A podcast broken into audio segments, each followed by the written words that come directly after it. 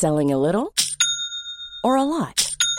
Shopify helps you do your thing however you cha-ching. Shopify is the global commerce platform that helps you sell at every stage of your business. From the launch your online shop stage to the first real life store stage, all the way to the did we just hit a million orders stage. Shopify is there to help you grow. Shopify helps you turn browsers into buyers with the internet's best converting checkout. 36% better on average compared to other leading commerce platforms because businesses that grow grow with Shopify. Get a $1 per month trial period at shopify.com/work. shopify.com/work. When you're ready to pop the question, the last thing you want to do is second guess the ring. At Bluenile.com, you can design a one-of-a-kind ring with the ease and convenience of shopping online. Choose your diamond and setting. When you find the one, you'll get it delivered right to your door. Go to Bluenile.com and use promo code LISTEN to get $50 off your purchase of $500 or more. That's code LISTEN at Bluenile.com for $50 off your purchase.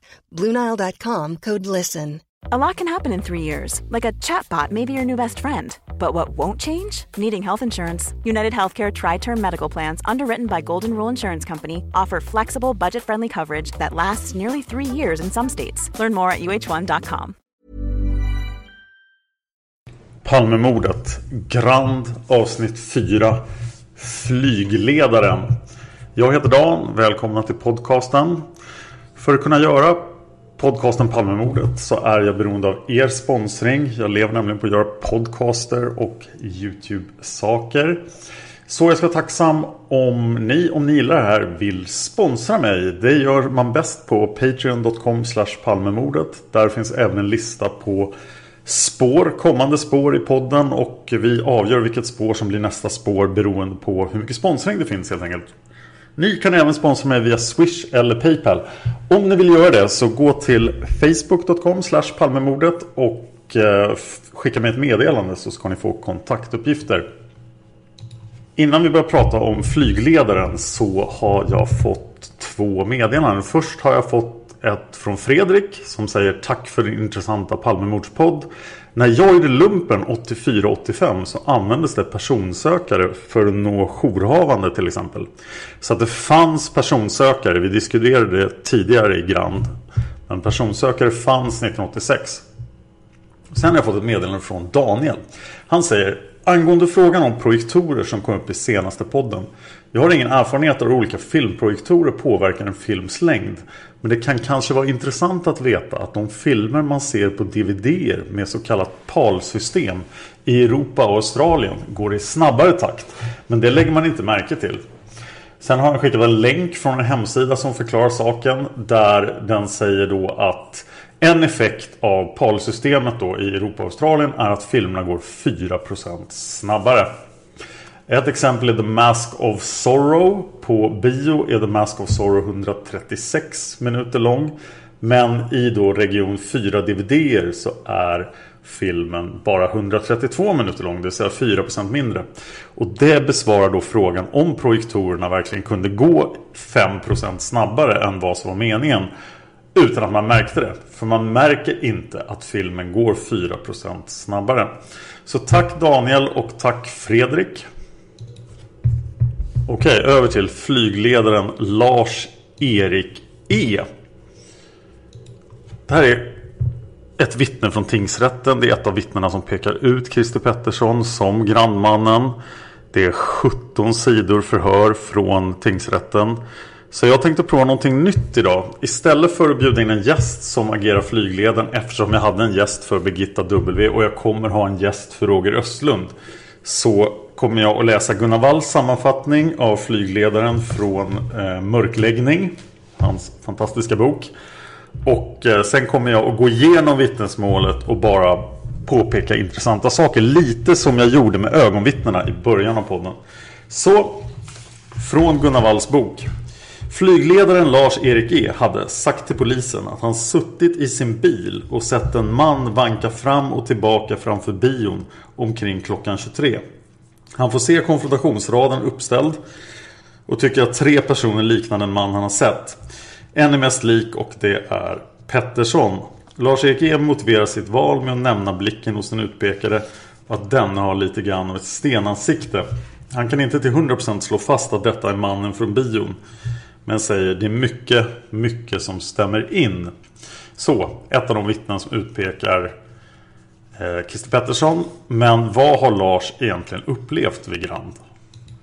Det jag kommer att läsa nu kommer från förhör 1989 06 05 från Stockholms tingsrätt.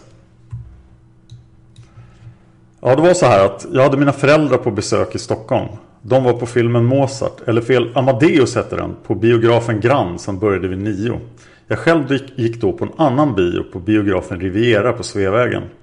När min film var slut så tog jag min fars bil som var parkerad, tror jag på Saltmätargatan och körde runt kvarteret och parkerade utanför biografen Grand. Jag kom dit vid 22.50. Det var en ganska kall kväll det här så jag tänkte jag skulle gå in på bilen och sitta där inne och vänta på mina föräldrar. Så jag gick ur bilen och gick fram till dörrarna. Men då var de låsta. Jag gick tillbaks till bilen och satt där och väntade. Ja, jag hade inte så mycket för mig mer än att lyssna på radio och sitta och titta mig omkring. Vad som fanns, folk som gick förbi och sådär. Ganska direkt ser jag en mansperson som står till höger om entrén där vid Grand. Det som slår mig då, eller först ska jag säga så här att jag betraktar mig själv och tror mig av andra vara betraktad som en väldigt stabil person. Jag har inte varit speciellt rädd och inte rädd alls nästan för att vara ute på Stockholms gator eller i mörka gränder och sådär. Så jag hade ingen skäl att sitta där i bilen och försöka se faror för mig själv. Men jag ser då en mansperson till höger om entrén som gör att jag direkt får någon sorts olustkänsla. Jag hajar till där. Vad är detta? Vad, vad är det för person som står där? Det var ju ganska kallt som sagt. Jag undrade, jag satt och tänkte, vet jag. Jag undrar vad den där personen står där för. Kanske han väntar på någon som är inne på bion. Ja, det var ju låst där så det är därför han inte går in då. Det som har så att säga etsat sig fast i mig. Det är blicken från den här personen. Våra blickar möttes väl några gånger. Och sen fick jag för mig att det är nog bäst att ta det lite försiktigt här. Man vet aldrig vad som kan hända. Det var någon sån känsla jag fick där så att Och vid tillfället ska jag säga Så bodde min bror ett par kvarter därifrån och hans bil som man då hade, hade blivit lite förstörd av folk som gått omkring. Så jag, jag blev lite skraj där så jag låste faktiskt bildörrarna. Så jag tänkte att det är bäst att jag inte stirrar för mycket på den här personen. Jag fick någon sorts känsla att den här personen kan explodera snart. Men nyfiken som man är så slog jag väl några blick, blickar över axeln och sådär. Jag stod kvar där han stod kvar där och jag tänkte att vad är det där för viking som tål den här kylan? Strax efter 11 så kom det ut folk från biografen. Då blev det uppenbart att, att det var uppblåst in till biografen. Jag satt och precis då hade den där ekosändningen börjat på radio och jag, jag själv är mycket sportintresserad. Så jag ville höra sportresultatet där på ekosändningen. Så jag satt kvar i bilen. Men jag vet att jag satt och tänkte varför går han inte in och väntar? Den första skocken folk som kom ut, det var en ganska liten grupp människor. Men sen tog det, låt oss säga, fem minuter till. Och så kom det ytterligare en grupp människor ut. Då tänkte jag en gång, det är konstigt att han inte står inne i värmen. Det är väl vad man normalt gör. Sen såg vi, vad, vad jag kommer ihåg, runt 20 över 11. Så väller ut folk på gatan. Hela trottoaren fylls upp av folk. Då var den här nyhetssändningen över också. Då tänkte jag att nu väntar jag till folket har liksom lämnat trottoaren. Och sen ska jag gå in och vänta där inne. Ja, 20 över kom det ut fullt med folk på trottoaren och fyllde upp trottoaren. Jag ville egentligen gå in på biografen redan då. Men då tänkte jag att det är dumt att tränga sig. För folk, jag väntar tills de har clearat eller vad man ska säga. Tills trottoaren har rensats. Jag väntade tills den har rensats. Och så upptäckte jag samtidigt också att den här personen som jag hade sett. Han var borta. Då tänkte jag, har han väntat på någon som var på filmen då? Så gick jag in och satt inne på biografen. Det är så att säga det som har hänt. Och Lars-Erik träffar sina föräldrar då för de är på en av de senare filmerna som slutar efter Bröderna Mozart. Lars-Erik uppger avståndet till mannen som 6-7 meter under den här långa tiden som han betraktar honom eller som han har honom i närheten. Och det gör ju det här vittnesmålet väldigt annorlunda från Birgitta W som såg mannen med den stirrande blicken under en väldigt kort tid. Så har Lars-Erik kunnat se den här mannen under lång tid. Och frågan är om det är samma man eller inte. Lars-Erik säger också att det var framförallt ögonhålorna och själva ögonen på mannen som gjorde ett starkt intryck. Det var det han reagerade på. Han säger också att det var många som passerade på trottoaren men att den här mannen var den enda som stod stilla. Angående signalementet så säger han att mannen hade en midjelång blåaktig jacka. Byxor kommer han inte ihåg men han har minne av personen har någon liten stickad ungefär militärmössa på sig fast gul. Men det här är inte alls som flygledaren Lars-Erik upplever utan eh, senare när han går in på Grand, alltså någonting klockan 20 över någon gång, 22 över kanske. När jag var inne på själva biografen så kommer in en person som jag tyckte betedde sig konstigt. Vi var väl ett antal, låt oss säga fyra, fem stycken inne på biografen. Och jag har för mig att den här mannen gick omkring och tiggde en kronor för att ringa. Han var kraftigt berusad och jag har för mig att han hade blod någonstans. Men jag kommer inte ihåg var han hade det. Men den här personen fick inga en kronor och gick sen ut ur biografen. Han, han bar på några kassar också förresten. Och han hade grönaktiga kläder. Grön parkas kanske. Han blödde från handen eller ansiktet. Det kommer jag inte ihåg. Lars-Erik beskriver även den här andra mannen. Han som kom in på biografen vid halv tolv. Som en A-lagare. Och så låter vi Lars-Erik berätta om resten av kvällen. Jag körde mina föräldrar till ett hotell vid Sankt Eriksplan. Sen åkte jag hem till mig själv. Sen blev jag uppväckt mitt i natten av en kamrat som upplyste mig att Olof Palme hade blivit skjuten. Då, vad som slog mig direkt då var att den här personen som jag sett till höger om entrén och att jag sedan har sett att det sen kom upp under veckan efter i princip de här ytterligare personerna. Eh, när han pratar om de ytterligare personerna så menar han också en full kvinna som var inne på biografen samtidigt som den här alkisen. Fast de hade ingen kontakt med varandra. De har jag så att säga bara en svag aning om. Några som har gått förbi på trottoaren också. Jag kommer inte ihåg dem exakt nu. Men jag vet att jag har gjort någon sorts beskrivning av sådana också. Men den här personen i grön parkas. Det sitter inte alls djupt i mig. Jag kommer inte ihåg det så väl. Det finns tidigare förhör med Lars-Erik Eriksson också som, som, inte har släppts. Men eh, där finns det bland annat det här. Efter en kort stund så kommer det in en vad Eriksson uppskattar, en så kallad A-lagare i biografen och går fram till telefonautomaten som finns i vestibulen och försöker ringa. Eh, Lars-Erik tror inte att han lyckas komma fram till den person han ville komma i kontakt med. Eh, Lars-Erik beskriver honom som ganska härjad, iklädd sjaskiga kläder. Han var i 35-årsåldern. Eriksson hade den uppfattningen att han var berusad. Det var vittnesmålet från flygledaren Lars-Erik. Eh, säg till om ni gillade det formatet eller om ni hade velat ha det också som en intervju. Vi går vidare till nästa grandvittne som är Anneli K. Anneli K förhörs redan den första mars av Johansson. Anneli och hennes väninna var på Grand igår kväll och såg den ryska filmen Gå och se. Filmen började 20.45 och hon vet inte när den slutade för hon hade ingen klocka. Innan de lämnade biografen uppsökte de toaletten. När de kom ut i foajén var det helt tomt. Utanför stod en man som hade blå jacka och keps och han stirrade så hemskt att de fick en obehaglig känsla. Mannen hade troligen glasögon. Anneli tror att hon eventuellt skulle kunna känna igen mannen. Förnyad telefonkontakt togs med Anneli måndagen den 3 mars klockan 20. Anneli var på biografen tillsammans med en väninna, Margareta S. Anneli har kontrollerat med biografen när filmen slutade och enligt uppgift från biografpersonalen var filmen slut klockan 23.07. Selling a little or a lot?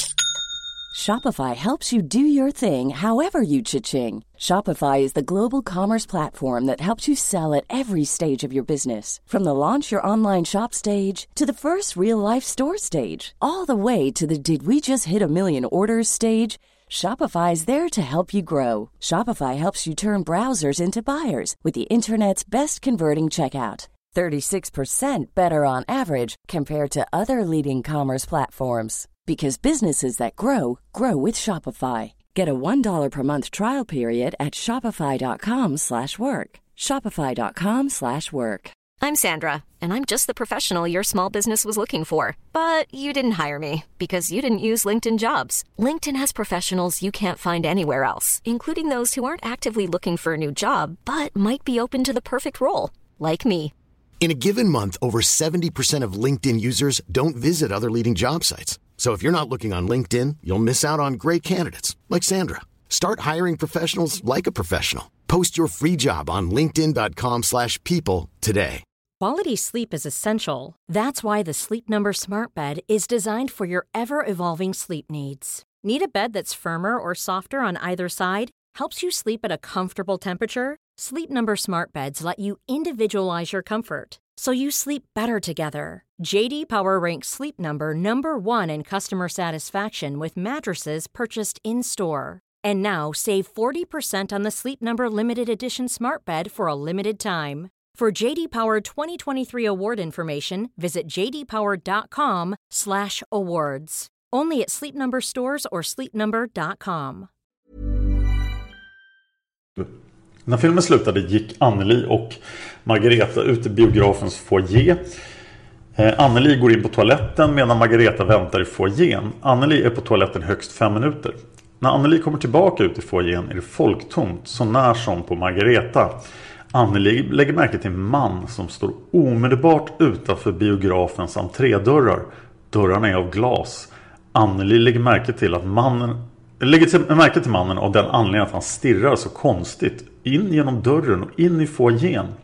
Anneli och Margareta lämnar biografen och går ut på Sveavägen och denna till höger upp på Kungsgatan och vidare Kungsgatan till höger mot Drottninggatan. När Anneli och Margareta lämnar biografen står mannen kvar. Signalement 35 till 45 år, cirka 170 till 175 cm lång, ordinär kroppsbyggnad, något rund över magen, troligen sandrefärgat hår och ett alldagligt utseende. Mannen var iklädd en blå trefjärdedels kvartsjacka, ganska tjock vaddfylld skärmösa typ keps, troligen glasögon, bär inget i händerna, hade troligen händerna i jackfickorna. Det mest ögonfallande var mannens stirrande blick och att han tycktes vänta på någon. Och det här var underligt då att telefonsamtalet för uppföljning av det där förhöret skedde den 3 mars. För det första förhöret var den 1 mars. Telefonsamtalet den 3 mars. Men den 2 mars, alltså däremellan, förhör kriminalinspektör Håkan Ström också Anneli. Och i det här förhörsprotokollet står det Anneli var tillsammans med väninnan Margareta på biografen Grand Såg dock en annan film än Palmes Annas film slutade Annelies film slutade klockan 23.07 Det var innan Palmes film slutade Och det här motstrider uppgifterna att eh, Palmes film slutade någon gång mellan 23.05 och 23.10 För nu har vi ju nästan 23.08 till 23.10 Anneli och hennes väninna var sist kvar av de som sett samma film. När de stod i foajén såg de en man på gatan som tittade in i foajén. Deras blickar möttes och Anneli fick en obehaglig känsla. Signalement.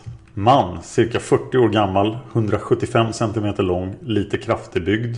Han var iklädd en blå mellanlång vinterrock samt skärmössa okänd färg. Mannen hade händerna i fickorna. Han bar glasögon. Anneli tror att hon skulle känna igen mannen. Det sker en uppföljning i april. Den 18 april eh, är det kriminalinspektör Torbjörn Säfström som återigen pratar med Anneli. Samtal med Anneli den 17 februari 1986. Eh, förmodligen april då, klockan 21.00. Anledning till samtalet är hennes iakttagelse av en man utanför biografen Grand den 28 februari 1986 klockan 23.06. Förhörsledare Torbjörn Säfström. Anneli uppger att hon tillsammans med väninnan Margareta besökt biografen Grand och sett filmen Gå och se. Filmen började klockan 20.45 och slutade klockan 23.00. Nya uppgifter här igen då. Efter det att föreställningen var slut gick Anneli och väninnan ut i foajén. Margareta satte sig på en bänk för att vänta på Anneli som besökte toaletten. Hon ser att Margareta verkar tagen av den film de just har sett. Filmen hade många starka inslag. När Anneli kommer ut från toaletten ser hon endast väninnan i foajén. De går tillsammans mot biografens entrédörrar. Några meter före dörrarna får hon se en man som står och stirrar på dem. Mannen stod omedelbart utanför entrédörrarna. Mannen hade en obehaglig blick. I övrigt hade mannen en, ett alldagligt utseende. Mannen står kvar när kvinnorna lämnar biografen. Anneli tyckte mannen hade en sån otrevlig blick att hon hade behov av att diskutera mannen med sin väninna. De gick Sveavägen söderut och talade med varandra om mannen som stått utanför biografen. Signalement på mannen. 40 år, 170-180 cm, rak näsa, bar glasögon. Anneli kan ej beskriva glasögonen. Brett ansikte, vanlig kroppsbyggnad, typiskt nordiskt utseende. Klädsel. En sån keps som Lenin använde. Grå eller blå. Hon är inte säker på kepsens färg. Mörkblå täckjacka som gick nedanför stussen. Jackan var av rak modell som går och snörar åt vid midjan.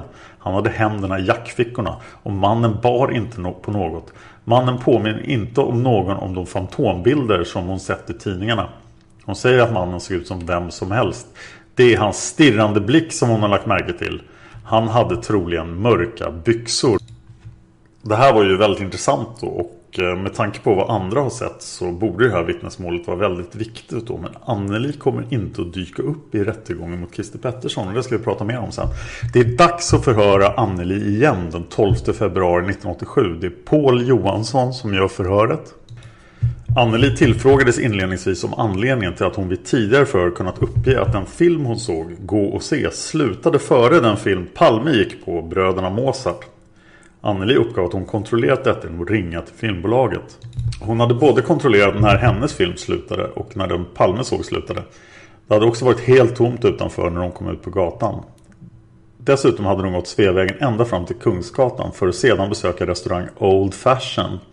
Därvid hade de inte sett något, till exempel polisbilar vid mordplatsen. Varför Anneli anser att de passerar platsen innan mordet. De hade gått ganska snabbt på Sveavägens västra gångbana. Restaurang Old Fashion ligger på Cardoansmakargatan 4. Kan det vara Kammakargatan 4? Det låter helt fel också. Cardoansmakargatan står det i förhörsprotokollet. Det verkar inte så bra. Den 19 april 89. Det vill säga innan rättegången mot Christer Pettersson så förhörs Anneli igen för att de vill använda henne som vittne mot Christer Pettersson. Men det kommer alltså inte att hända. Anneli underrättades att hon skulle höras kompletterande till tidigare eh, för, hållna förhör med henne. På frågan om Anneli sett någon bild av den så kallade 41-åringen i någon tidning så uppger hon att hon inte gjort detta. Anneli tillfrågas om hon i Finland sett någon bild där 41-åringens ansikte inte varit maskerad. Varvid hon uppger att hon inte gjort detta. 41-åringen, alltså Christer Pettersson. Anneli har endast sett så kallade maskerade bilder på 41-åringen. Eh, Anneli uppger spontant att hon inte har varit speciellt nyfiken på dessa bilder. För hon har fått nog av hela saken. Bilderna som varit maskerade kan Anneli inte säga något om. De säger inte henne något. Anneli uppger att hon har för sig att den person hon såg utanför Grand hade hatt eller keps på sig. På frågan om Anneli skulle kunna känna igen den man hon såg utanför Grand idag så uppger Anneli kanske, kanske inte. Innan vi reflekterar vidare över Anneli så måste vi ta upp eh, Margaretas vittnesmål. Och Margareta förhörs den 3 mars 1986 av K. Johansson. Fredagen den 28 februari 1986 klockan 20.45 besökte Margareta tillsammans med sin väninna Anneli biografen Grand. De såg där filmen Gå och se. Filmen börjar klockan 20.45 och slutar klockan 23.05 till 23.07. Sluttiden har Anneli i efterhand kontrollerat med biografen. Det var Margareta som hade kontrollerat med biografen här. När filmen slutar lämnar Anneli och Margareta biografsalongen bland de sista besökarna. När de kommer ut i foajén så går Anneli på toaletten. Margareta stannar kvar i foajén. När Margareta står i foajén kommer två killar ut från herrtoaletten och de lämnar omedelbart biografen. Margareta tittar efter dem när de lämnar biografen. Hon upptäcker då en man stående omedelbart utanför biografdörrarna. Margareta tittar på mannen och fäster sig vid hans blick som hon beskriver som mycket intensiv. Mannen tittar genom glasdörrarna in i foajén. Margareta blir medveten om att hon är ensam kvar i foajén. Den första tanken som slår henne är att det är biografvaktmästaren som står där och väntar på att få stänga biografen. Margareta tror inte att det pågår någon föreställning inom båda andra salongerna. Margareta inser nästan omedelbart att mannen inte är biografvaktmästaren. Efter cirka 3-5 minuter kommer Anneli ut. Margareta inser nästan omedelbart. Efter nästan 3-5 minuter kommer Anneli tillbaka ut i foajén från toaletten. Anneli uppmärksammar nu också mannen. En tanke som slår Margareta är att mannen är en ful gubbe som tittar efter ensamma flickor. Margareta och Anneli går ut genom biografdörrarna. Mannen tittar på dem med en intensiv och mörk blick. Margareta upplever blicken som spänd och ångestfylld.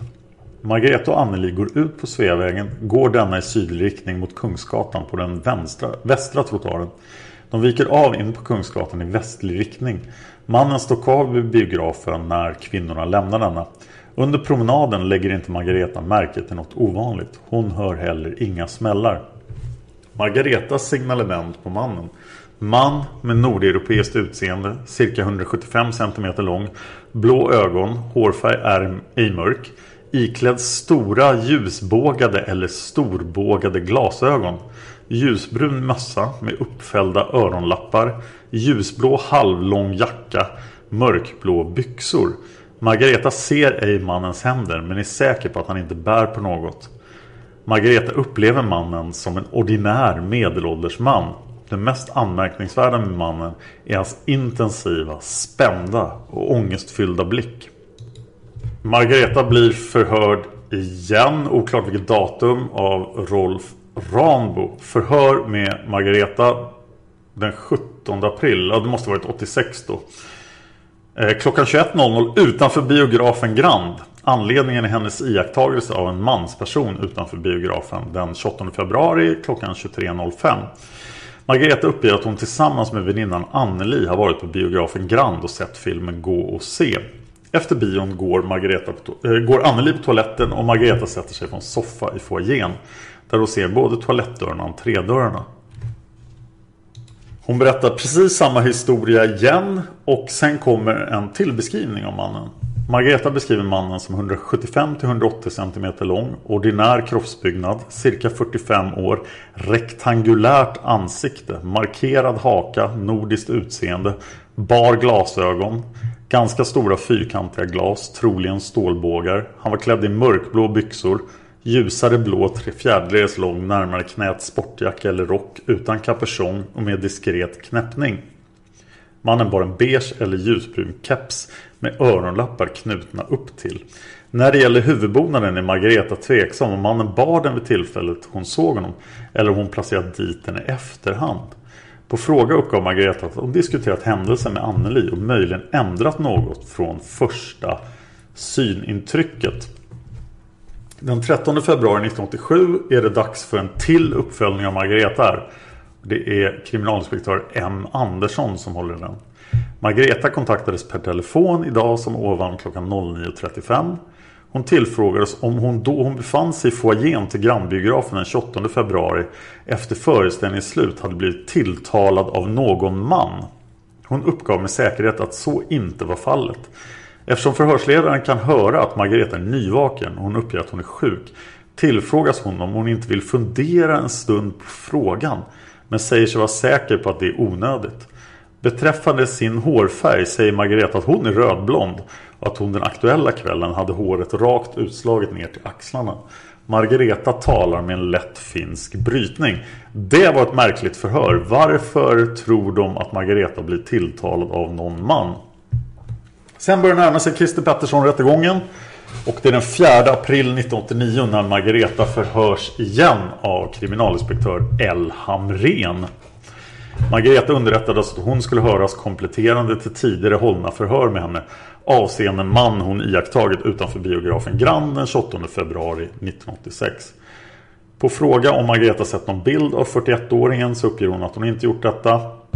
Margareta uppger spontant att hon läste beskrivningen av 41-åringen i Aftonbladet. Det där det var nu kommer ihåg stod att denne skulle ha melerade ögon samt tunna läppar.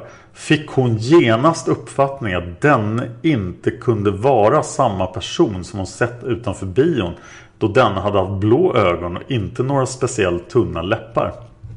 Bilderna hon sett i tidningen på 41-åringen då denne varit svartmålad över ansiktet har inte gett Margareta några som helst tankar på att denne skulle kunna vara samma man som hon sett utanför bion. Margareta uppger att hon helt säkert inte skulle kunna känna igen mannen utanför bion idag om hon fick se honom. Eventuellt skulle hon känna igen typen. Anneli och Margareta har kallats för de finska flickorna då eftersom de har finskt påbrå. Det är något förvirrande då eftersom det finns två andra finska flickor som kommer att figurera i ett senare avsnitt. Men eh, skilj på dem och på Anneli och Margareta. Trots att då Anneli och Margareta hade sett den här mannen med stirrande blick som man ju tycker passar in ganska bra på vad andra människor har sett vid Grand så är de alltså inte med i rättegången. Och nu citerar jag från Gunnar Wall. Ett starkt skäl att ifrågasätta just flygledaren Lars Eriks utpekande är att två kvinnor, Anneli och Margareta, la märke till en obehaglig man som uppehöll sig utanför biografdörren omkring klockan 23. I vissa fall råder en påtaglig osäkerhet kring frågan om olika grannvittnen verkligen har sett samma man när de reagerat över någon mystisk person. Men i det här fallet kan man med största sannolikhet utgå från att de talar om samma person som den som Lars-Erik observerade. Såväl tidpunkten som den exakta platsen för observationen och mannens obehagliga beteende och framtoning stämmer.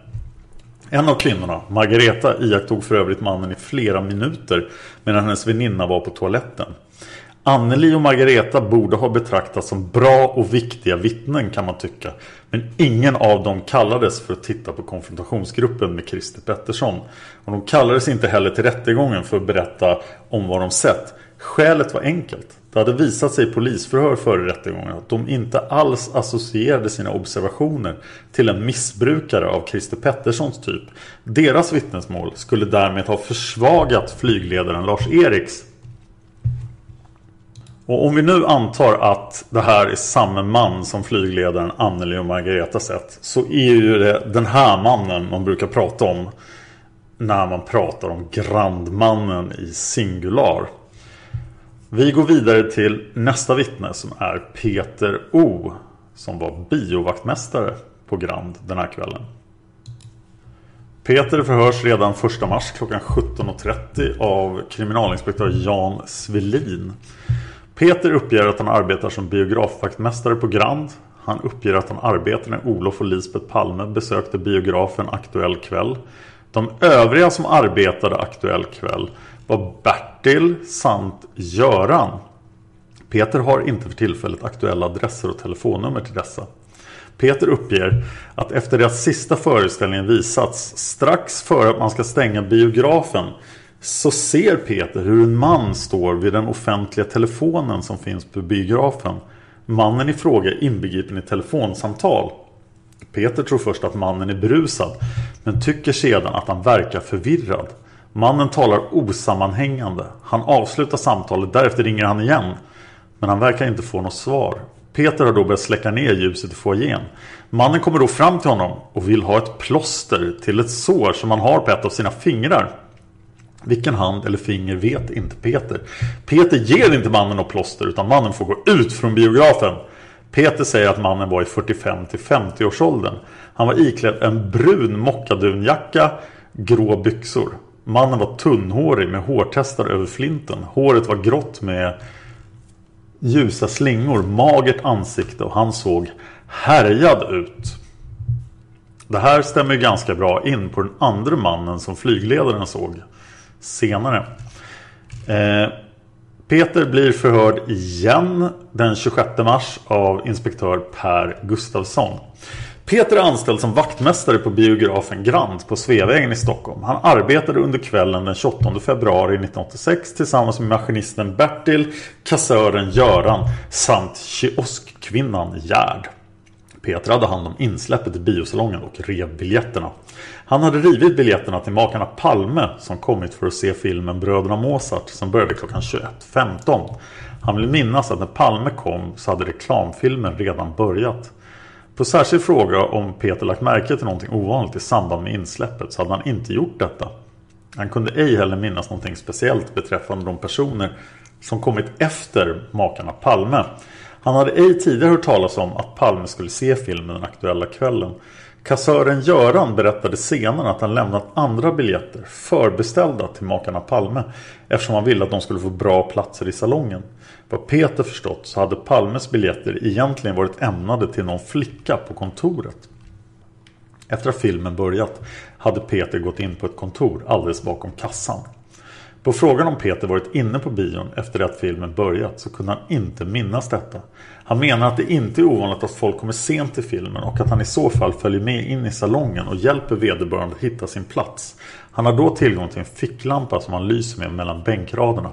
Om detta skulle ha inträffat under föreställningen av Bröderna Mozart den 28 februari, det minns han inte. Efter att filmen börjat så hade kioskkvinnan Gerd och kassören Göran börjat med att räkna sina kassor.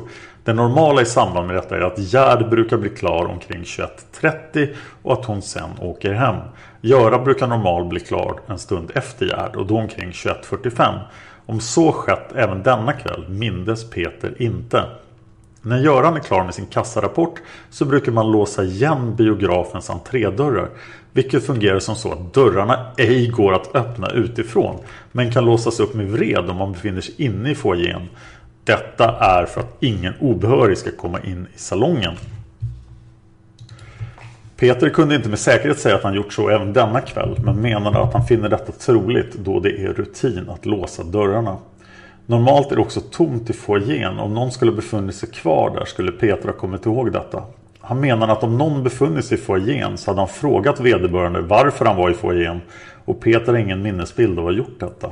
Sammantaget menade Peter att när dörrarna låses omkring 21.45 så var det tomt i foajén. Kassören Göran brukar sedan åka hem omkring 22.00. Han förmodar att denne gjort så även denna kväll. Filmen Bröderna Mozart slutade sedan omkring 23.05 till 23.10 och i samband med detta började folk strömma ut ur lokalen. Peter la inte märke till någonting ovanligt i samband med detta. Han såg ej heller Olof Palme lämna lokalen. Senare, omkring 23.40 så slutade två andra filmer på Grand. Efter det att dessa besökare gått och det var tomt i foajén så la Peter märke till en man som stod och telefonerade. Mannen var klädd i mellanbrun skinn eller mockajacka som nådde till höften. Han var cirka 50 år och något kortare än Olofsson. Cirka 175 cm lång, normal kroppsbyggnad, gråspängt hår som var glest på hjässan. Mannen ringde två telefonsamtal och talade högljutt. Peter tyckte att mannen lät underlig när han talade men hörde inte vad mannen sa. Han var dock svensk och pratade svenska. Efter telefonsamtalet så kom mannen fram till Peter och ville ha ett plåster på fingret. Peter menar att han blev lite irriterad över mannen eftersom han ju skulle låsa biografen för kvällen. Han satte i alla fall ett plåster på en av mannens ena fingrar. Det var en intressant uppgift för att den här sökandet efter ett plåster det, det bruk, jag har aldrig hört en uppgift på att någon faktiskt gav honom ett plåster. Så att eh, det var intressant. Vi fortsätter. Efter det att mannen gått så lämnade Peter tillsammans med en kamrat bion och gick Sveavägen upp mot Kungsgatan. I korsningen Sveavägen Tunnelgatan såg han några polisbilar parkerade. Peter uppgav att han inte lagt märke till någonting ovanligt under promenaden. Han hade ej heller lagt märke till någonting ovanligt under biografföreställningen. Polisen funderade tydligen över det här vittnesmålet och den 20 februari 1987 så vill de förhöra Peter igen. Det är Paul Johansson som förhör honom och då fokuserar de på den här kamraten som han nämnde i förbigående. Den aktuella, kamraten, eh, den aktuella kvällen hade en kamrat till Peter kommit till biografen. Kamraten, W, hade sett filmen Gå och se. Peter har idag svårt att komma ihåg vilken föreställning W såg. Men tror att det var den första föreställningen. För han hade sedan suttit och pratat med W i rummet bakom biljettkassan. Han vill minnas att det var under ganska lång tid. Peter kan inte påminna sig att han skulle ha ringt någon person under kvällen. Att ringa från det aktuella rummet är i och för sig inget ovanligt utan förekommer regelbundet. Peter har dock för sig att han tillfrågades om detta vid ett tidigare förut. Att han då kunnat lämna svar beträffande eventuellt telefonsamtal. Peter minns inte heller något om eventuella telefonsamtal avseende arbetskamraterna. Man kan också ringa från ett rum innanför maskinrum 1. Man måste då trycka ner en knapp inne på det kontor där Peter satt. Peter har idag inget minne av att han skulle lagt märke till någon person utöver tidigare beskrivningar. Han ändrar sig dock och uppger att han minns en man i 60-70-årsåldern som kommit i sällskap med några andra personer och att han burit på en ryggsäck. I övrigt var det inget märkligt med mannen. Peter hade lämnat biografen tillsammans med W. De hade gått Sveavägen på västra gångbanan till Kungsgatan. Peter hade inte reagerat för något speciellt när de passerat mordplatsen. Men W hade registrerat polisbilar. Polisen är uppenbarligen fascinerad av det här vittnesmålet och den 22 september 1987 så kommer Paul Johansson tillbaka och eh, frågar Peter en sak igen då. Så att den del av biljetterna som vaktmästaren river av när besökarna går in kastas efteråt i soporna och så gjordes även mordkvällen. Biljetterna försvinner sen för gott när städaren kommer på natten efter sista föreställningen. Och den här uppgiften har bekräftats av Susanne H vid Sandrews huvudkontor. Nästa vittne vi ska prata om är biljettförsäljaren eh, Göran. Även kallad Hubert av någon anledning då. Han förhörs 21 mars 1986 av Anders Nordström. Göran vill berätta följande. Han har tidigare blivit hörd av polisen i samband med mordet på Olof Palme. Men detta har han inte tidigare berättat. Vi har alltså inte tillgång till det tidigare förhöret. Det är under förundersökningssekretess tydligen fortfarande. Jag har i alla fall inte hittat det. Om någon har tillgång till det så säg till. Eh, Göran lämnade biografen 21.55 i mordkvällen och i foajén står då en kvinna precis innanför dörrarna. Han tänkte inte så mycket på det för då brukar det ofta stå folk där. Men han kommer i alla fall ihåg att han tittade på kvinnan som allra hastigast innan han gick ut. Och när han nu denna vecka läste Expressen för den 18 mars 1986 så har de en bild på en kvinna som ska vara en av ledarna i EAP. Så här efteråt tycker han att det var den kvinnan som stod i foajén på Grand 21.55 mordkvällen när Göran gick hem. Den 26 mars förhör Per Gustafsson Göran igen. Göran berättade att han arbetar som kassör på biografen Grand på Sveavägen i Stockholm och han arbetade kvällen den 28 februari 1986. Han arbetade tillsammans med vaktmästaren Peter, kioskanställde Gerd samt maskinisten Bertil. Göran sålde ensam biljetter till alla biobesökare. Han har till uppgift att sälja biljetterna till biobesökarna till samtliga fyra biofilmer som visades på Grand den aktuella kvällen. Det hade under kvällen varit mycket att göra med många biobesökare och för att känna sig något lugnare så hade han dragit för ett draperi vid kassan. Detta gjorde att han ej såg hela biokön och därför ej kände sig så stressad. Göran menar att om han såg kön sträcka sig mot utgångarna skulle han bli stressad. När den sista filmen skulle visas, Bröderna Mozart, som började klockan 21.15, hade Olof Palme kommit till luckan. Göran såg att Olof Palme hade sällskap med sin hustru Lisbeth. Palme, paret Palme hade kommit ganska sent och det fanns ej många bra platser kvar till försäljning. Och Göran tyckte att de båda skulle sitta på bra platser i salongen. Han tog därför två biljetter som var förbeställda av sekreteraren till direktör Göran L på Sandro-biograferna. Palme fick därför två biljetter till bänkrad nummer 8 i salongen. Sekreteraren till direktör Göran L heter Ulla S. Göran hade ej tidigare hört talas om att Palme skulle besöka bion under kvällen och Palme hade inte heller förbeställt biljetter. Till samma föreställning hade det också kommit en man som uppenbarligen ej talade svenska. Göran är ej säker på om denna person kom före eller efter makarna Palme.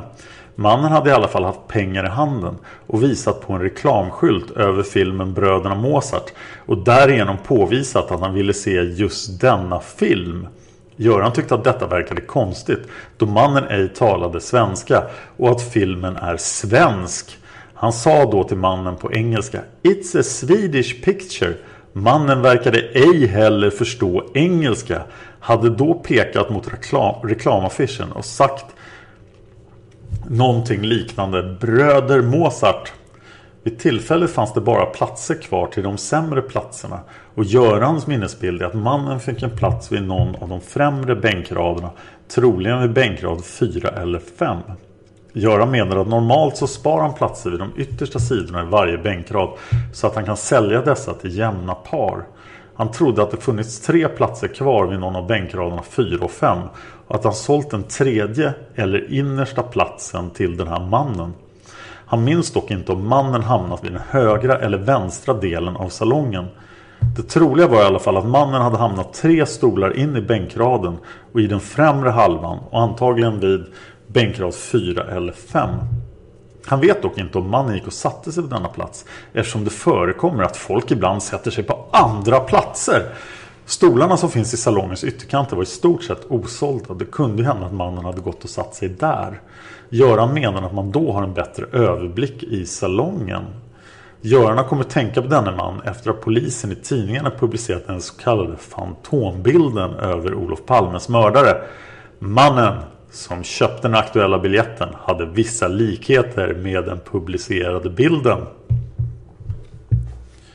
Göran beskriver mannen till omkring 30-35 år. Okänd klädsel gav dock ett mörkt intryck i klädseln. Troligen europeiskt utseende. Och Göran menar att mannen ej verkade vara turk eller gav ett intryck av att vara sydeuropé. Efter det att filmen börjat hade Göran räknat kassan och han kände sig aningen stressad han skulle med tåget hem till Uppsala. Tåget skulle avgå från centralstationen klockan 22.05. När tiden började rinna iväg så frågade han kioskkvinnan Gerd om hon kunde köra honom till centralen. Hon lovade att göra detta när han var klar. Gerd var klar före honom och gick för att hämta sin bil.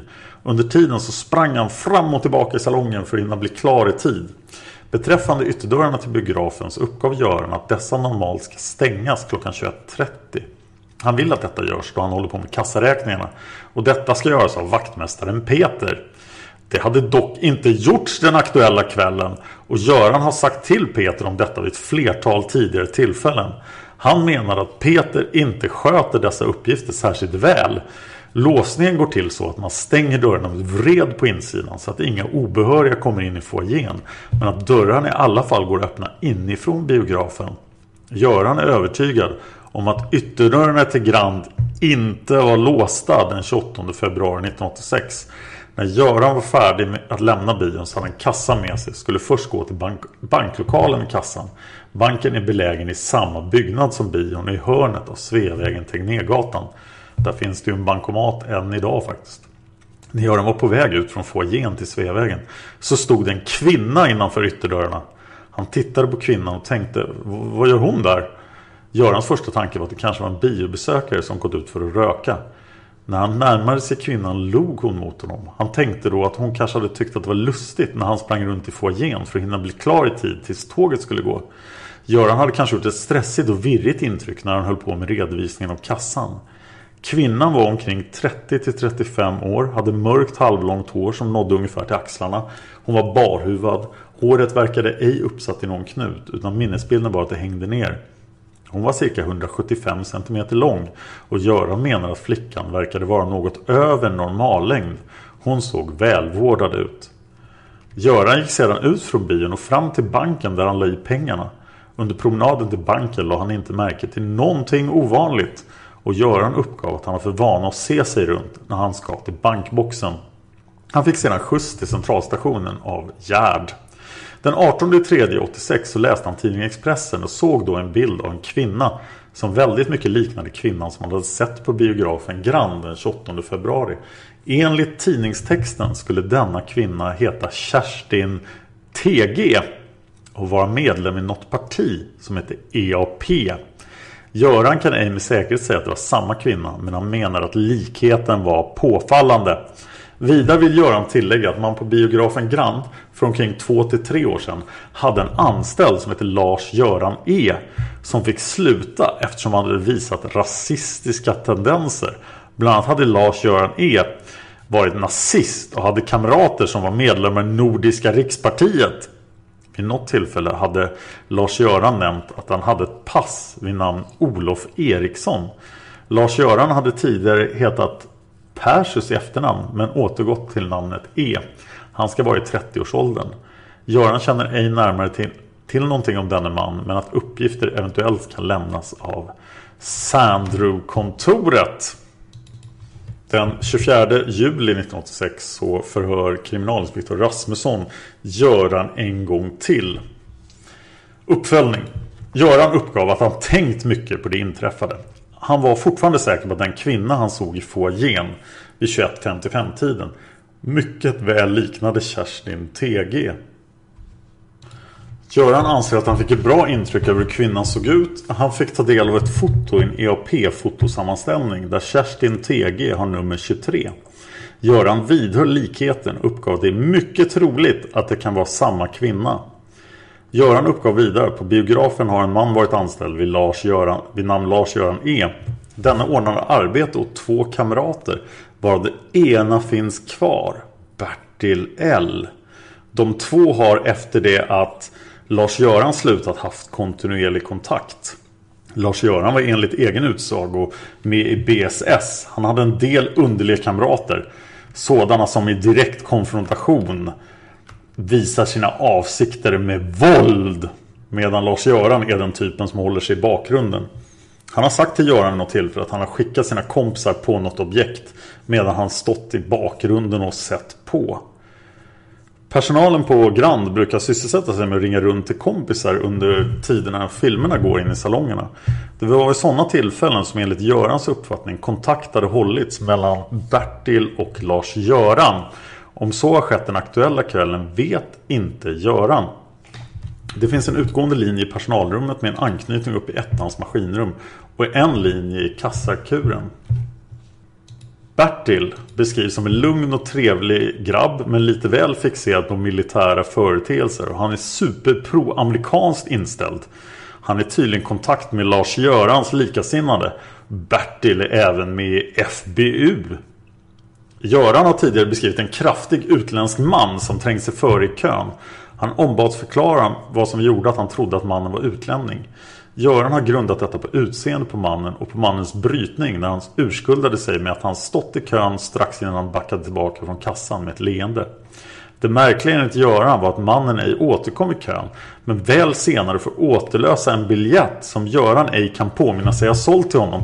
Biljetten avsåg salong nummer 4. Göran lät honom återlösa den varvid Göran ej såg till honom.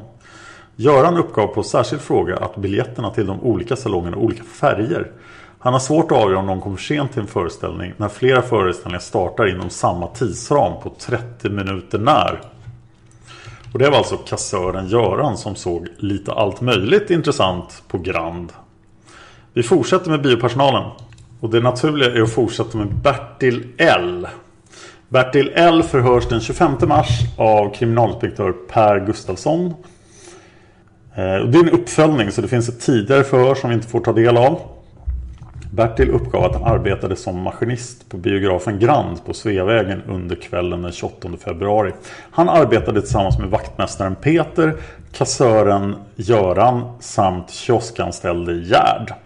Några fler än dessa fyra var inte i tjänst under kvällen. På biografen Grand finns fyra stycken salonger, Sandro 1, 2, 3 och 4. Under kvällen hade det visats fyra stycken olika filmer med början vid olika tidpunkter. Beträffande filmen Bröderna Mozart så hade den en starttid vid klockan 21.15 och slutade 23.05. Bertil menar att filmen slutade 23.03 men att det sen visas eftertexter som varar under två minuter. De övriga tre filmerna som visades under kvällen hade samtliga börjat tidigare men två av filmerna pågick fortfarande när Bröderna Mozart slutat. Och dessa båda filmer, Ran och Amadeus, slutade omkring 23.40. Beträffande filmen Bröderna Mozart så menar Bertil att han kört igång reklamfilmen klockan 21.06 och att huvudfilmen sedan startade 21.17. Innan Bertil gått upp till eh, maskinrummet för att starta filmen så hade han sammanstött med kassören Göran som sa någonting om att han skulle försöka starta filmen snyggt eftersom Palme var i salongen. Bertil hade inte sett Palme eller hört talas om att den hade tänkt besöka biografen den aktuella kvällen. Bertil hade sedan sällskap uppe i maskinrummet av en finsk kvinna som kommit till biografen av den anledningen att hon tänkt att eventuellt ta över filmen till Finland. Samt för att titta på den automatisering som finns på Grand. Kvinnan hade kommit till Stockholm tillsammans med sin make och de var hitbjudna av Gustav Å vid Sandrobiograferna. Själv mindes Bertil inte vad kvinnan eller hennes make hette. Men att Gustav Å eventuellt kunde lämna uppgifter om detta.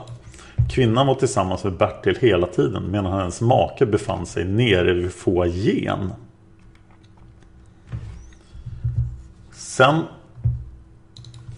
vill Bertil minnas att när filmen började så hade han observerat en fotoblixt från bänkrad nummer 8.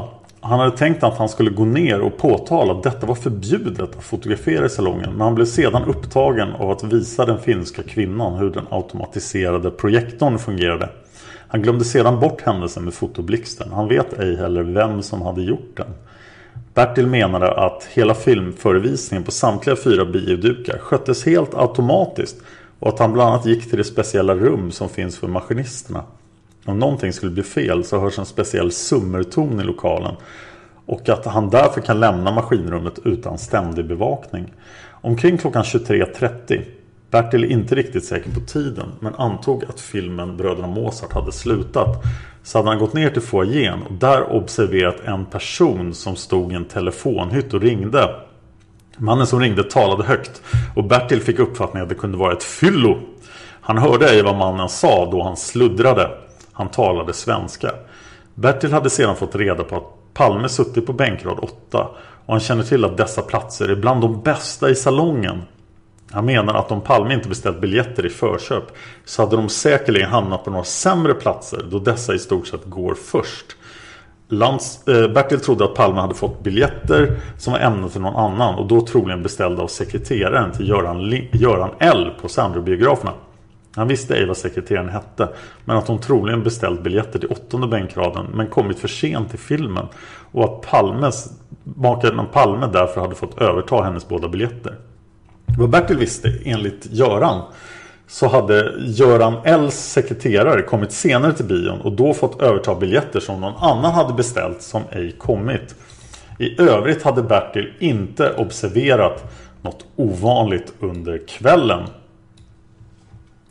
Den 12 februari 1987 så förhörs Bertil igen av kriminalinspektör Paul Johansson. Bertil uppgav att han för dagen inte kunde erinra sig tiderna för de olika filmförevisningarna. Hans minnesbild hade dock varit att bröderna Mozart slutade efter Gå och se.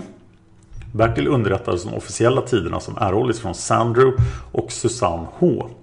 Han ansåg sig dock inte kunna kommentera dessa i dagsläget. I vart fall hade den aktuella kvällen hade det den aktuella kvällen inte förekommit några störningar vid förevisningarna. Filmen hade också startat i rätt tid med differens på någon minut. Enligt Bertil så kan den officiella filmtiden variera med upp till 5 minuter beroende på olika hastigheter hos projektorerna. Men redan åtta dagar senare så vill Paul Johansson förhöra Bertil igen. Bertil är underrättad om att han ska höras ytterligare avseende kvällen den 28 februari 1906 då han arbetade på biografen Grand som maskinist. Inledningsvis så berättade Bertil att tidningarna på den sista tiden besökt biografen för att göra intervjuer. Bland annat har Svenska Dagbladet varit där för cirka 14 dagar sedan. Bertil hade då vägrat ställa upp på några intervjuer då han inte tyckte att han hade något att lämna tidningarna. Bertil tillfrågades om han nu kunde erinra sig att han under kvällen den 28 skulle ha ringt någon person efter det att Palme anlänt på biografen och talat om att Palme var där. Bertil uppger då att han faktiskt hade ringt, ringt till en kamrat som heter Jan H. Som är arbetskamrat med Bertil på Karolinska sjukhuset. Bertil har då alltså uppenbarligen flera jobb. Bertil kan inte erinra sig den exakta tiden han ringde till Jan H. Men förmodar att det var omkring klockan 22. Det brukar vara kring den tiden man ringer eventuella telefonsamtal eftersom det då börjar lugna ner sig på biografen. Detta är den enda hållpunkten Bertil har för telefonsamtalets tidpunkt. Anledningen till att han ringde Jan H var att de har ett spelsystem tillsammans på Stryktipset. Antingen ringde då Bertil för att höra efter om resultatet eller om det möjligen var så att han skulle höra efter om de skulle spela kommande vecka. Idag kan Bertil inte komma ihåg den exakta anledningen. Men att det rörde sig om Stryktipset kommer han ihåg. Vad Bertil kan komma ihåg av samtalet var att de till en början pratade om tipset. Men sedan detta var klart så hade Bertil frågat Jan H om denne kunde gissa vem som var på biografen. Jan H hade naturligtvis inte kunnat svara på detta. Och Bertil hade berättat att Olof Palme var där. På förfrågan uppger Bertil att han inte hade registrerat någon speciell reaktion från Jan H. Jan H brukar för det mesta ta saker och ting ganska lugnt. Efter det att Bertil hade berättat detta så avslutades telefonsamtalet. På förfrågan uppger Bertil att han vet att Jan H var ensam vid det tillfället då Bertil ringde. Detta vet Bertil eftersom han hade frågat Jan H om detta. För övrigt så bor Jan H ensam i den aktuella lägenheten. Däremot så vet inte Bertil om Jan H hade vidarebefordrat uppgiften om att Palme fanns i biografen Bertil har överhuvudtaget inte frågat Jan H om detta och Jan har inte heller själv nämnt något. Däremot så har Jan H ofta talat om mordet på Olof Palme. Man har inte talat om detta på något annorlunda sätt än vad som kan anses normalt. Bertil beskriver Jan H som en person som är ganska intresserad av nyheter. Bertil tillfrågades om han hade någon uppfattning beträffande Jan Hs politiska tillhörighet. Bertil uppger därvid att han faktiskt tror att Jan H röstade på Socialdemokraterna. Han är av den uppfattningen att Jan H inte hade någonting helst emot Olof Palme. På förfrågan uppger Bertil att han inte känner till någon ur Jan Hs bekantskapskrets som skulle ha något speciellt emot Palme. Han påpekar dock att han själv och Jan H inte alls har samma umgänge och att Bertil inte har en närmare kännedom om Jan Hs andra vänner. Spontant uppger Bertil att Jan H i vart fall är en helt ofarlig person och kan inte tänka sig honom som en våldsman. Tillfrågad uppger Bertil att han är absolut säker på att detta var det enda samtal han ringde under kvällen. När Bertil ringde så befann han sig i rummet bakom kassan. På förfrågan om det var någon annan person närvarande under telefonsamtalet så spekulerar Bertil i att eventuellt Peter och hans kamrat kunde ha befunnit sig i rummet. Han är dock osäker på detta. Bertil beskriver Jan H som cirka 30 år gammal och väldigt kort. Omkring 165 cm lång. Efter att de sista filmerna avslutats på Grand klockan 23.40 lämnar Bertil biografen och gick till sin bil som stod parkerad på gatan bakom Grand Saltmätargatan. I bilen åkte han sedan Saltmätargatan fram till Tegnérgatan och Tegnérgatan västerut över Barnhusbron så småningom och hem. Med andra ord så passerade han aldrig mordplatsen och fick aldrig reda på vad som hade hänt under kvällen. Nästa morgon vid sjutiden hade Jan H ringt till Bertil. Eh, Jan H hade omedelbart sagt till Bertil att han skulle sätta på tvn. Han fick ingen förklaring till varför. När Bertil gjort som han blivit tillsagd så visades program om mordet på Olof Palme. Och Bertil fick då för första gången reda på vad som hade hänt. Jan H hade verkat skärrad men inte på något onaturligt sätt. Utan det var väl förmodligen på ett sätt som alla svenskar kände det. Jan H hade sedan ringt Bertil ytterligare en gång samma dag. Bertil kunde inte komma ihåg om vad ämnet var för detta andra samtal. I detta skede av förhöret berättade Bertil att han hade förstått att polisen var intresserad av en kamrat till honom som heter Lars-Göran. Bertil påpekade att han ville ha framfört att Jan H och Lars-Göran också är bekanta med varandra. Detta troligtvis beroende på att båda har jobbat på Karolinska sjukhuset. Bertil uppger att Lars-Göran har framfört vissa åsikter om saker och ting. Men att Bertil inte tar detta riktigt på allvar. Lars-Göran är lite provocerande i sitt sätt. Och Bertils uppfattning är att det mesta han säger är åsikter för stunden. Bertil framhåller att han själv sällan delar Lars-Görans åsikter. Spontant uppger Bertil att han har väldigt svårt att finna att Lars-Göran skulle ha något som helst med mordet på Olof Palme att göra. Lars-Göran har aldrig talat om för Bertil att han skulle ha vetat att Palme fanns på biografen innan mordet inträffade. Beträffande Lars-Görans bekantskapskrets så är det samma sak som med Jan Hås. Att Bertil inte känner Lars-Görans vänner särskilt väl. Men där var alltså en man, Jan H då, som kände till att Palme var på bion. Ni saknar då kanske kioskkvinnan Gerd, men hon fanns med i Grand 1 där vi tog upp henne. Så gå tillbaka och lyssna på det. Hon såg absolut ingenting spännande under hela kvällen. Planning for your next trip? Elevate your travel style with Quince. Quince has all the jet setting essentials you'll want for your next getaway. Like European linen, premium luggage options, buttery soft Italian leather bags and so much more. And is all priced at 50 to 80% less than similar brands. Plus, Quince only works with factories that use safe and ethical manufacturing practices. Pack your bags with high-quality essentials you'll be wearing for vacations to come with Quince. Go to quince.com slash pack for free shipping and 365-day returns. A lot can happen in three years, like a chatbot may be your new best friend. But what won't change? Needing health insurance. United Healthcare Tri-Term Medical Plans, underwritten by Golden Rule Insurance Company, offer flexible, budget-friendly coverage that lasts nearly three years in some states. Learn more at uh1.com. Hey, it's Paige DeSorbo from Giggly Squad. High quality fashion without the price tag. Say hello to Quince. I'm snagging high-end essentials like cozy cashmere sweaters, sleek leather jackets, fine jewelry, and so much more. With Quince being 50 to 80% less than similar brands And they partner with factories that prioritize safe, ethical, and responsible manufacturing. I love that. Luxury quality within reach. Go to quince.com slash style to get free shipping and 365 day returns on your next order. Quince.com slash style.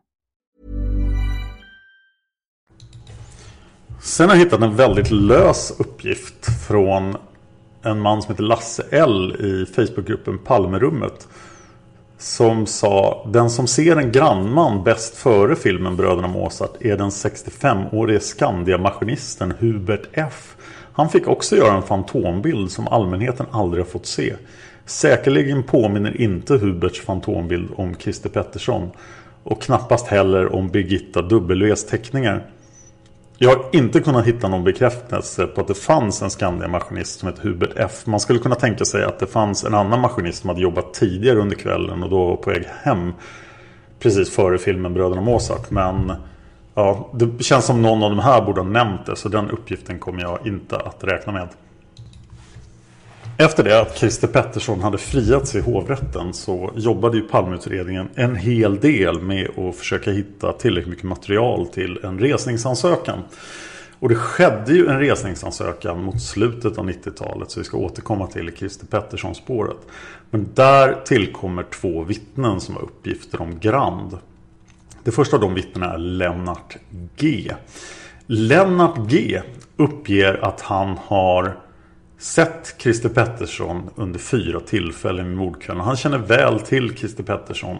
Han kommer körande till Grand, ser en ljus bil stående utanför biografen. Jag har inte tillgång till de här förhören men de nämns i granskningskommissionens rapport. Där ser han Christer Pettersson då, som han ju känner väl. Och han ser att Christer Pettersson står och tittar in i biografen. Han ser att Christer Pettersson ser honom, känner igen honom och tittar in i hans bil. Så det här är ett väldigt sensationellt vittne. Men vi ska prata väldigt mycket om Lennart Gs iakttagelser i samband med att vi diskuterar resningsansökan. Men det är alltså ett vittne som tillkommer efter rättegången om Christer Pettersson som tydligt pekar ut Christer Pettersson som närvarande vid Grand och då bekräftar flygledarens uppgifter om att det var Christer Pettersson som stod utanför Grand. Nästa vittne från resningsansökan är Eva F. Eva F är syster till den i utredningen förekommande Annie F. Och Annie F kommer att vara en nyckelperson i Harvard-spåret. Eh, Eva kände genom sin syster Sigge Cedergren och enligt ett till Palmeutredningen den 27 maj 1997 inkom ett anonymt tips hade Eva F sett en vilda västern-revolver hos Sigge Cedergren. Eh, efter en del turer lyckas Palmeutredningen få till stånd ett förhör med Eva F. Hon bekräftar att hon har fått se det där vapnet och det hör väl egentligen hemma i Christer Petterssons spåret. Men hon ser även andra saker. För mordkvällen hade Eva sökt Sigge Cedergren och ringt på dennes porttelefon på Tegnérgatan 16. Tegnérgatan 16 ligger alltså väldigt, väldigt nära Grand. Och det är en av grundteserna mot Christer Pettersson. Att han var vid Grand för att han skulle besöka Sigge Cedergren. Eva visste inte exakt när detta hade ägt rum. Men hon hade åkt in till stan med tunnelbanan någon gång mellan klockan 20 och 21. Resan tog enligt vad som utreddes ungefär en halvtimme. Hon borde alltså ha varit hos Sigge Cedergren mellan 20.30 till 21.30. Jag läser nu från granskningskommissionens rapport. Ingen svarade på porttelefonen. När Eva gick därifrån hade hon vid Konsum på Sveavägen mött en obehaglig man som frågade om hon kom från Sigge. På detta svarade hon att Sigge Cedergren inte var hemma och att han nog hade gått på bio. Hon sa så för att bli av med mannen som hade viftat och vinkat samt uppträtt hotfullt. Han hade efter hennes besked sprungit över till Sveavägens andra sida. Hon såg sedan hans ryggtavla när han stod utanför biografen vänd in mot biografen. Det var då fullt med folk utanför biografen. Eva hade vid denna tid tidigare stött på Christer Pettersson men visste inte närmare vem han var eller vad han hette. Under rekonstruktionen kallar hon återkommande mannen för Dåren. För ett par år sedan hade hon tittat på TV där Christer Pettersson framträder och då tyckte hon sig känna igen honom. Hon var, hon var numera rätt säker, 90 på 100. Väldigt likt är det, väldigt likt. Eva uppgavs inte att diskutera sin iakttagelse med någon. Som förklaring till varför hon inte tidigare hade lämnat dessa uppgifter till polisen uppgav hon för det första att hon inte ville bli inblandad. För det andra var Sigge Cedergren och eh, hennes egen farbror Kjell F figurerande i utredningen. Tillfrågad om hur hon kunde vara så säker på att hon gjorde iakttagelsen just mordkvällen sa hon sig minnas att hon dagen efteråt blivit väckt av sin far med orden Nu har de mördat Palme. Därför var hon absolut säker på dagen. Och Eva F åberopas i resningsansökan som ett styrkande av att Christer Pettersson befann sig vid Grand omkring klockan 21 och att Christer Petterssons egna uppgifter om vad han gjorde på mordkvällen är osanna. Sen har vi vittnet Inga Å. Hon var skådespelare och hennes vittnesmål antyder möjligtvis Christer Petterssons närvaro utanför Grand också. Inga Å la före filmen märke till en man i foajén. Han stod längst fram i kön för att komma in i salongen. Han såg för all del fräsch ut men hade tre dagars skäggstubb. Och hon tyckte inte riktigt att han passade in bland den övriga typiska intellektuella publiken. Han hade en plastkasse i handen och han tittade ut över den väntande folksamlingen som om han letade efter någon. Inga Å såg honom inte gå in i salongen när dörrarna öppnade. Istället gick han mot utgången. Före rättegången får hon se konfrontationsvideon och hon kan inte peka ut Christer Pettersson i gruppen. Några månader senare i samband med skriverierna om den fällande domen i tingsrätten får Inga Å dock se en bild av Pettersson när han är yngre och smalare. Det vill säga som han var 1986. Då kontaktar hon polisen och menar att det var trots allt Christer Pettersson som hon såg på bion. Och Inga Ås uppgifter om att det var Christer Pettersson de inkommer faktiskt före rättegången i hovrätten men ingen bryr sig om att åberopa henne som vittne.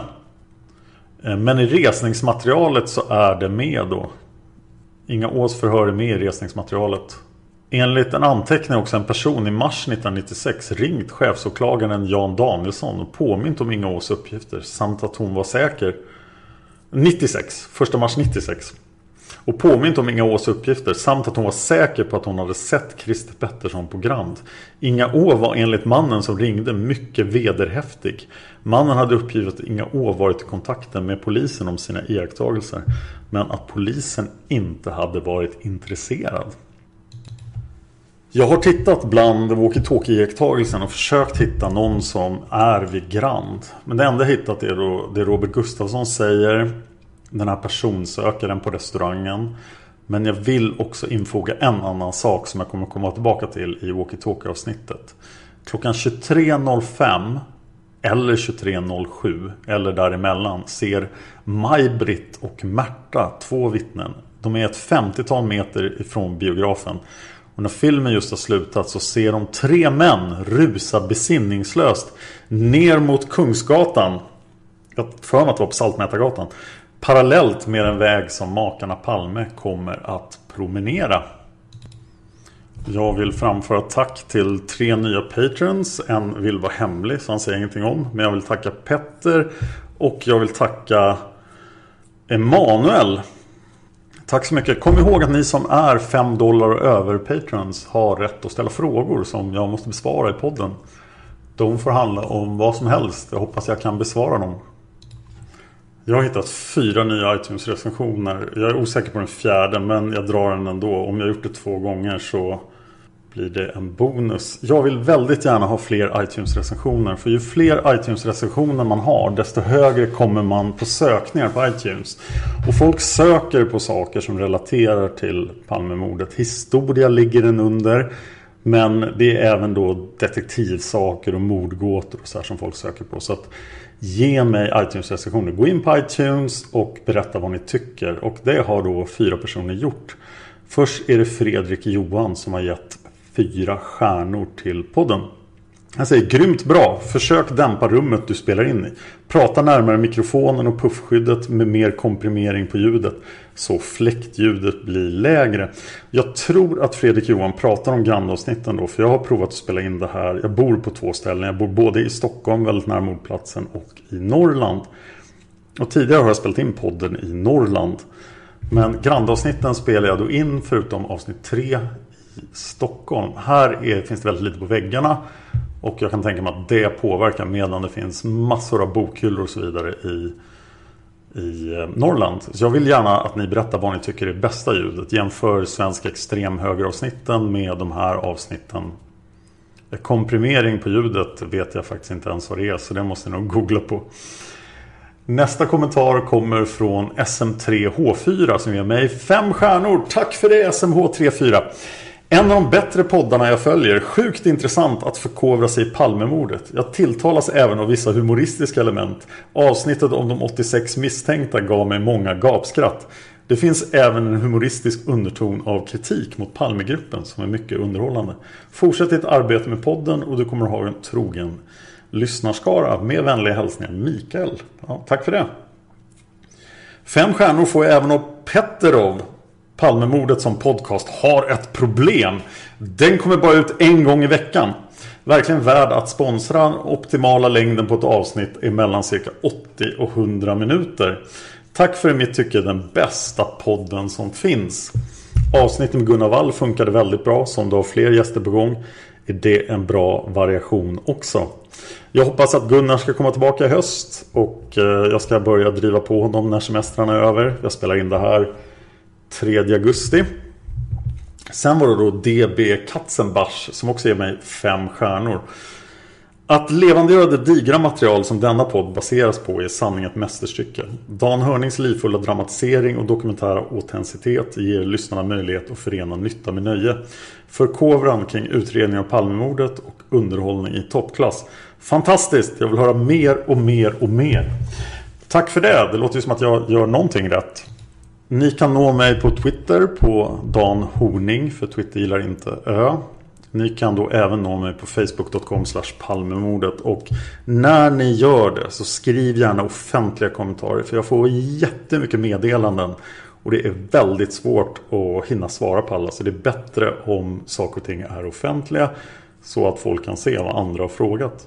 Och då kan ni ju även prata med varandra så att det blir liksom en levande community där som jag hade tänkt.